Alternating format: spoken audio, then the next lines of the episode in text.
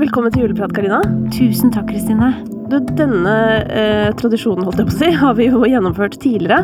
Men jeg tenkte at det kunne være fint å ta en juleprat også i år, spesielt med tanke på hvor annerledes dette året har vært. Um, og først av alt så lurer jeg på litt sånn, hva har dette året vist deg? Det er interessant at du spør, fordi jeg reflekterte faktisk akkurat over det rett før jeg kom, et lite mellomrom mellom samtaler og, og denne innspillingen. Og hvis det er én ting jeg vil trekke frem, av flere innsikter, Mm. så er det en påminnelse om hvor verdifullt det er å ha tid til refleksjon. Og å ha tid.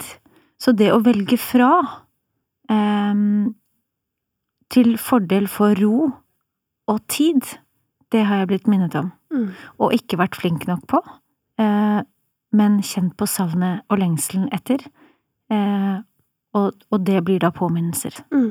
Og det som jeg syns er litt underlig for min del med dette året, er jo at på tross av at jeg egentlig har hatt mer tid til å ta det rolig, på en måte, eller mer tid til refleksjon, da, som du beskriver, så har jeg aldri eh, hatt en eh, større altså, rastløshet i meg. Så jeg har, jeg har på en måte aldri vært så dårlig på refleksjon jeg, som jeg har vært i år. Eh, ironisk nok, på en måte, med tanke på at egentlig forholdene ligger til rette. Jeg tror det er én vesentlig faktor som, som spiller inn her, og det er usikkerhet. Mm. Fordi hadde vi hatt en klar bakkant, hadde vi visst eh, altså, hvor lenge denne perioden skulle vare, da, Mm. eh, at det skulle gå tilbake til det samme, eller hva som skjedde etterpå, Mm. så hadde det vært vesentlig lettere å omfavne den tiden og perioden. Mm. Det blir vanskeligere når det er usikkert, uavklart og vi ikke vet. Ja, det er jo helt riktig som du sier òg, for det er jo typisk hvis jeg har for eksempel har to uker ferie, eller kanskje til og med nå i julen, så kanskje jeg klarer å lese en bok fordi jeg vet på en måte hvor lenge det skal vare, og jeg har fått eh, såkalt tillatelse til å ta det rolig, da. Mens i det året som har gått, så har jeg vel på en måte aldri følt at ting har vært mer uavklart. Og kjent på ja, en litt sånn merkelig rastløshet. Jeg har ikke engang klart å på en måte ta opp et strikketøy, som jo jeg egentlig pleide å gjøre hver kveld for å slappe av, da. Og det er jeg sikker på ganske mange kan kjenne seg igjen i, men tenker du også at det er usikkerheten i, i den situasjonen vi er i? Ja, og jeg tror også at det er en sånn kollektiv uh, usikkerhet. At, og det jeg mener med det, er at vi skal være forsiktige også med å ta den usikkerheten eller manglende evnen til å gjøre det vi vet vi burde, eller vi tidligere gjorde, eller tidligere satte pris på, eller gitt den uroen personlig, og heller tenke på det som noe som handler om at vi eh, Som er en naturlig reaksjon på det vi alle står i. Mm. Eh, så vi har Jeg tenker at ved denne situasjonen det er en sånn kollektiv usikkerhet, kollektiv engstelse på en eller annen måte, og også en kollektiv sånn tristhet eller sorg eller tapsopplevelse eller Og så er det noen som kjenner mer på det enn andre. Men bare at det er et skille der, da, fordi det, det tror jeg det snakkes veldig lite om, og så kan man komme til å tenke at det bare er meg, eller det er jeg som ikke håndterer det eller fikser det. Mm.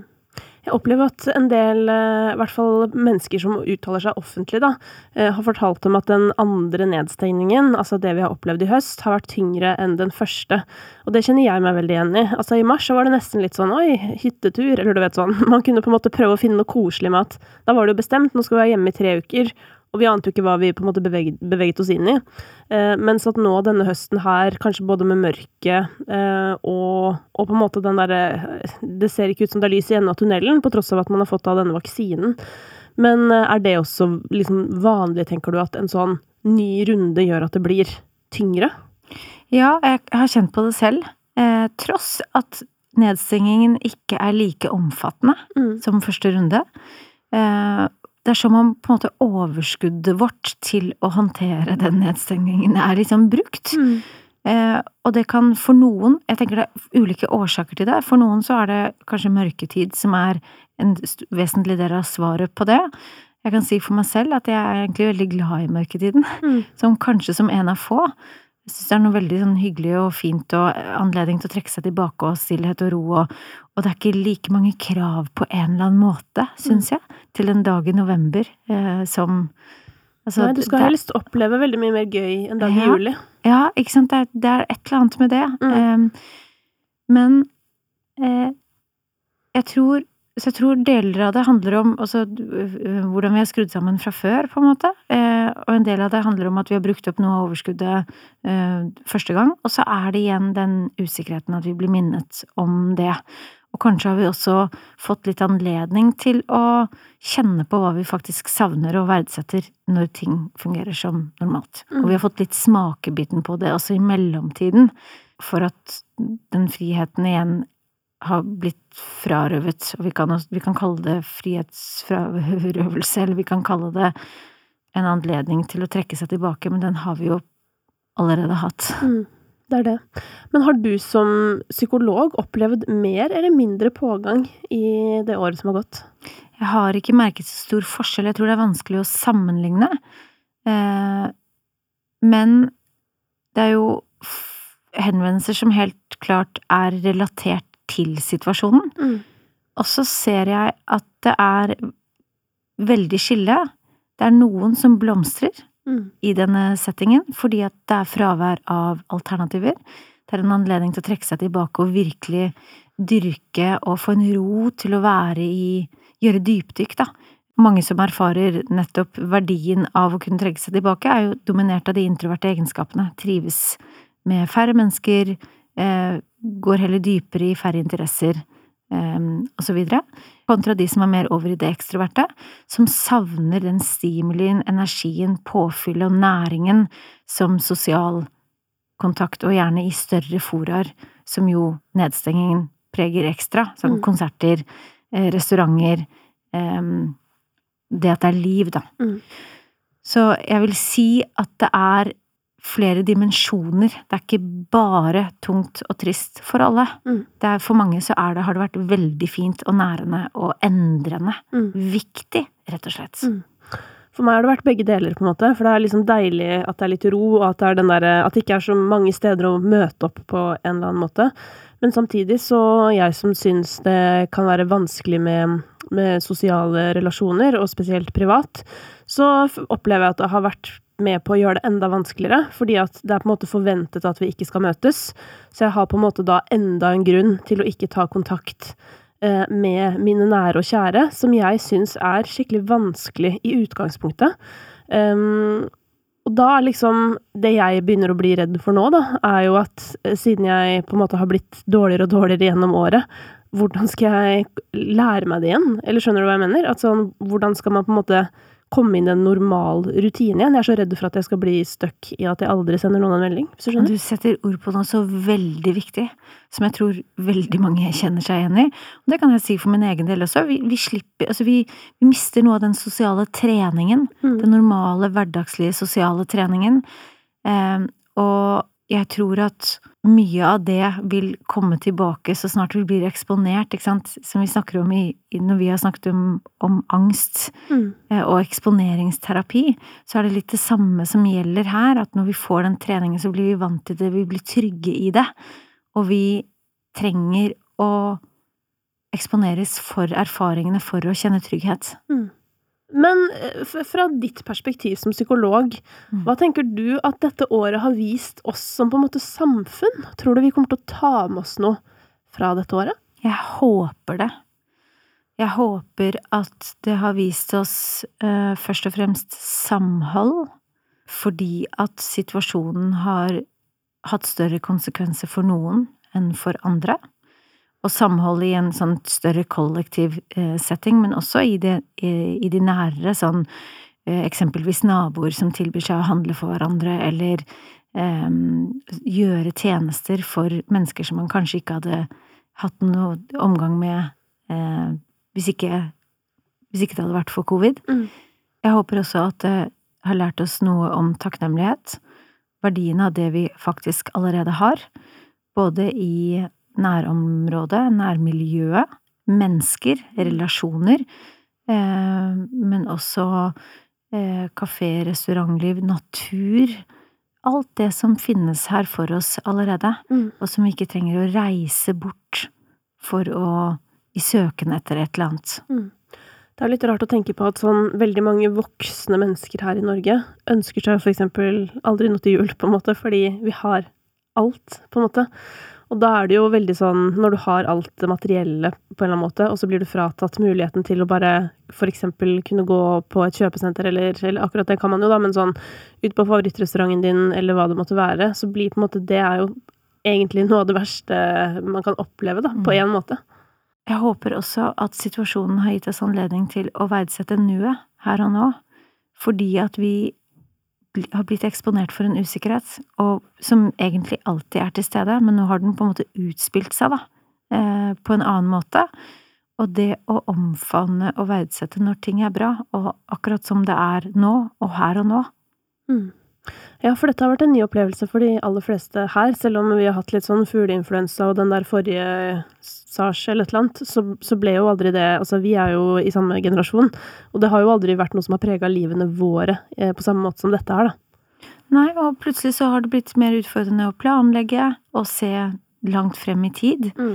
Eh, og kanskje er det noe fint i det også? Jeg tenker også at det er noe fint sånn fellesskapsmessig med verden. At det er sånn at man kanskje for første gang opplever noe mm. sammen med verden. Og selv om vi sitter jo rimelig fint i det sammenligna med veldig mange andre, men, men det gir jo kanskje ja, nettopp en liten sånn smakebit av hvor uforutsigbart ting kan være. Mm. Så jeg tenker oppsummert eh, tid til ettertanke, refleksjon og takknemlighet og eh, øyeblikksnærhet mm. her og nå. Vi er jo inne i jula. Det er jo en høytid, men det er også en høytid for eh, press og stress for mange.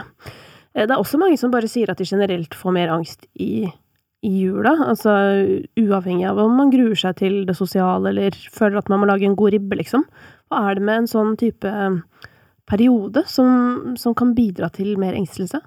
Jeg tror det er flere ting, men jeg tror at det er forventninger, som ofte er en kilde til lidelse for oss mennesker. Mm. Eh, at vi har en forestilling om hvordan det burde være, eller skal være.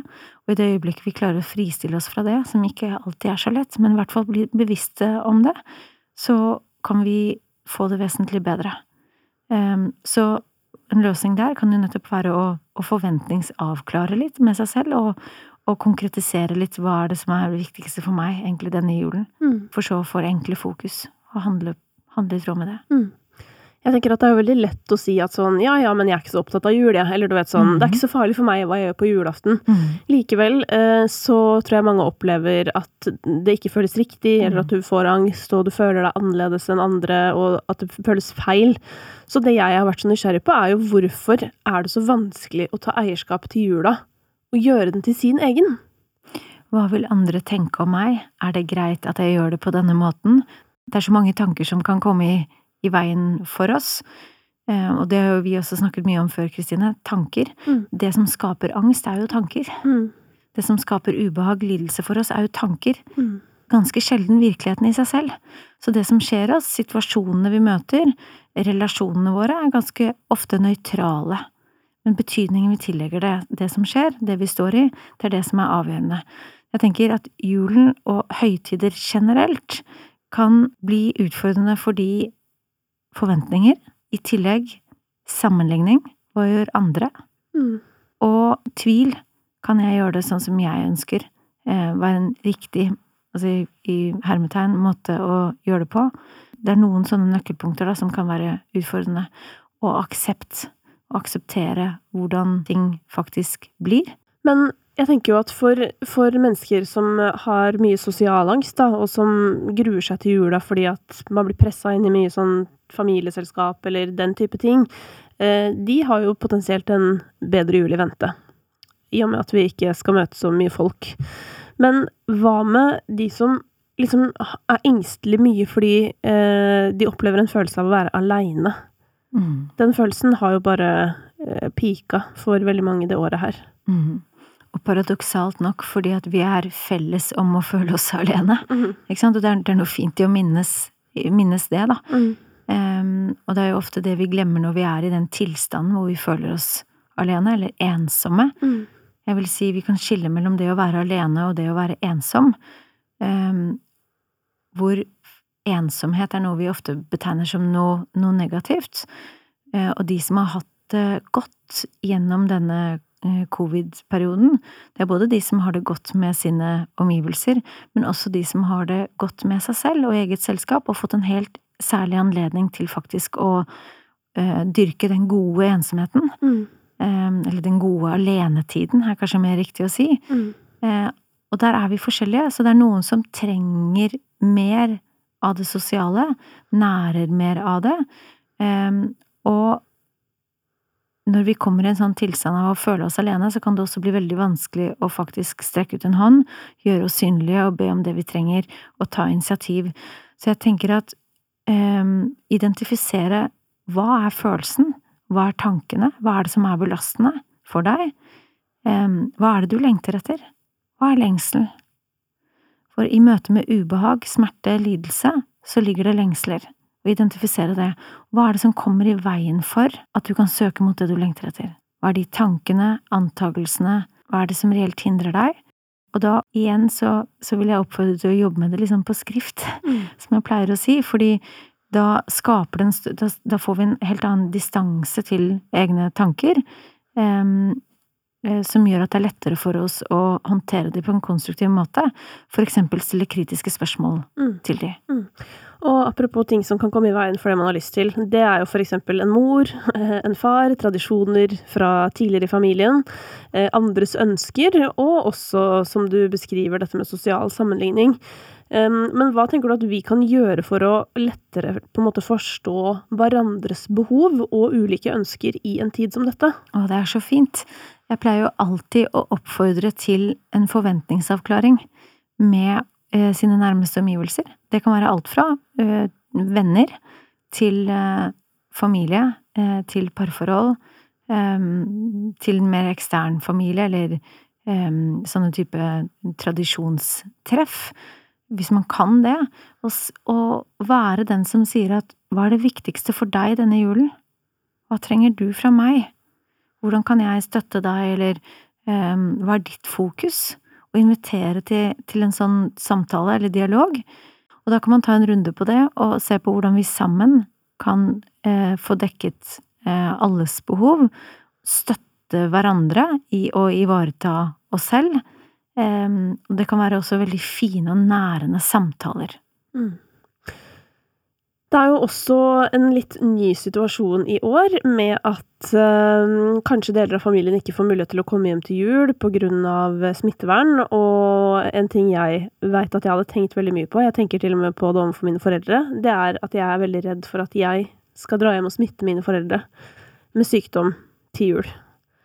Og det er jo på en måte sånn Jeg kommer jo til å dra dit, men er det noe jeg og de med meg kan gjøre for å på en måte kanskje dempe den tankevirksomheten?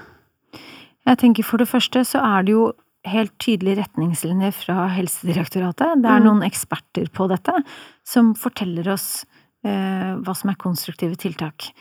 Og hvis det var sånn at så lenge vi fulgte de, at det kunne være en veldig stor fare for at vi kunne, eh, kunne smitte, så hadde vi antageligvis ikke fått lov. Ikke? Så hadde det vært noen retningslinjer. Så å legge noe ansvar mm. um, jeg tror at det kommer ned til en del ansvarlighet og samvittighet. Uh, og, og igjen så, så, vil jeg invitere til at den enkelte identifiserer hva er det som kommer i veien for meg, hva er det som skaper og blir motoren som driver de bekymringene, hva er det jeg egentlig er redd for? Mm. Der vil jeg si at jeg har en hypotese om at det ofte handler om ansvarlighet og samvittighet. Og da kan man også lufte de tankene med noen nære fortrolige, man kan jobbe med det liksom konstruktivt på skrift, og man kan spørre seg selv hva ville jeg sagt til en annen person i samme situasjon. Mm. Og hvis bekymringene tar overhånd, prøv om du kan øve deg på å begrense bekymringstiden, øve deg på å utsette bekymringene, det vil si du kan godt bekymre deg hver dag, men at du begrenser det til 30 minutter, og, og, tester da hva skjer med de bekymringene du ikke tar deg av, hva skjer faktisk hvis du ikke bekymrer deg? Dette fordi at hvis bekymringer var hjelpsomme for oss, så skulle vi tro at de som bekymrer seg mye, hadde færre problemer enn andre. Og så er det nok mange som vil si sånn, ja, men konsekvensen. Fordi det som skaper angst, mm. som jo bekymringer kan, kan være, en bekymringsangst, det er både sannsynlighet og det er forferdelighet. Ja, det kan hende at det er ikke så sannsynlig at jeg kommer til å smitte foreldrene mine, men hvis det skjer, da ikke sant? Mm. Da er vi inne på forferdeligheten. Og så er det litt med ok, men, men hvordan kan du konstruktivt møte det? Hva vil være em, de handlingene du kan foreta deg som er innenfor rimelighetens grenser? Og da kan du igjen legge ansvaret, for å gå tilbake til ansvarlighet, på eksperter, på leger, på Helsedirektoratet. Du kan plassere ansvaret utenfor deg selv. Og så kan man også si at foreldrene dine har også et ansvar i det, i hvordan de ivaretar og, for å bruke det som et konkret eksempel, da, ivaretar seg selv, um, og, og, og, og er med på å opprettholde de retningslinjene som, som du forholder deg til. Mm. Men også hvis det var så stor sannsynlighet for at det kunne skje noe alvorlig galt, Mm. så ville de og dere kanskje besluttet dere for å feire jul på en annen måte. Mm. Veldig gode tips. Takk. Um, det er jo sånn at uh, når nyåret kommer, så sier vi jo nytt år og nye muligheter. Um, hva med de som på en måte opplever nå at de ikke har nye muligheter? Kanskje permittert fra jobben, uh, mørke utsikter for å få ny jobb med det aller første. Eller andre ting som gjør at, at utsiktene føles um, mangelfulle. Ja, så må vi skille mellom følelsen og realiteten. Mm. Og det er klart at for mange så er det en realitet, det er en presset situasjon. Og eh, igjen så tenker jeg at å fokusere på hva er konstruktive tiltak, hvordan kan man stå i dette på en best mulig måte for seg selv. Selvomsorg viktig, å ivareta seg selv på en best mulig måte. Og så er det en anledning til å reflektere litt rundt også hva er det jeg ønsker meg. Og øh, hvis det skulle komme noe godt ut av dette, hvis dette var meningen. Fordi det vi også ser, er at en del faktisk har opplevd covid i ettertid som veldig viktig på en positiv måte, fordi at man ble tvunget til å foreta noen endringer, eller fikk anledning til å gjøre noen endringer som over tid har vist seg veldig positive. Der og da, eller her og nå, for den det gjelder, er det veldig krevende og belastende, men man kommer seg gjennom også selv om det ikke føles sånn, også selv om det ikke virker sånn nå. Så jeg tenker tilbake til den bekymringstiden, og forholde seg til den usikkerheten også på en konstruktiv måte. Hva er det jeg kan påvirke, hvilke faktorer er innenfor min kontroll, hva er utenfor, og se anledningen også til å reflektere over hva det er jeg ønsker meg og drømmer om. Og når jeg på et eller annet tidspunkt frem i tid er der hvor det har løst seg, det går bra, hva vil jeg ønske at jeg hadde gjort der hvor jeg er nå da, og ville jeg sagt til meg selv, hva ville jeg rådet meg selv til å gjøre? Et lite rollespill med seg selv, med andre ord. De aller fleste av oss erfarer jo faser og perioder som er vanskelige, og hvor ting føles eh, uoverkommelige, og vi ikke klarer å se løsningene, og så kommer vi oss på en eller annen måte gjennom. Kanskje kan det gi mening å nøste i tidligere erfaringer med møte med motgang. Hva gjorde du da? Hvordan um, Hva skjedde egentlig? Hva tenkte du? Du kan se på deg selv, hvem du er, dine personlige egenskaper. Hva er det ved deg selv du er aller mest stolt av? Hvilke erfaringer har du, har du med å stå i og møte og håndtere motgang fra før? Hva er det du kan trekke på nå? Og se dette som en anledning også til personlig utvikling. Og det er jo i hvert fall fint å ta med seg inn i det nye året, uansett hva som er utgangspunktet for den personlige utviklingen.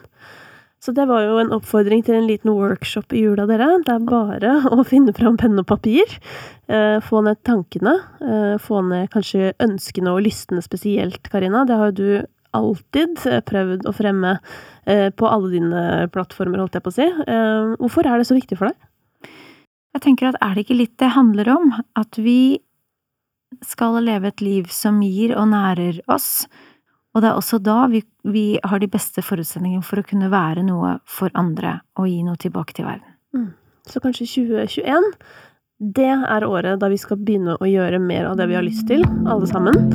Eh, vi skal jo uansett det, på en måte, fordi vi skal lage mer Noia. Eh, det skal dreie seg om depresjon, og jeg har bare nok en gang lyst til å si at hvis du føler at du eh, har en historie som du har lyst til å bidra med, så må du veldig gjerne ta kontakt med oss. Enten via Instagram-kontoen vår Noiapodkast eller nettsiden med samme navn.no. Tusen takk for at du kom, Karina, og godt nytt år når den tid kommer. Selv takk og tusen takk, og i like måte.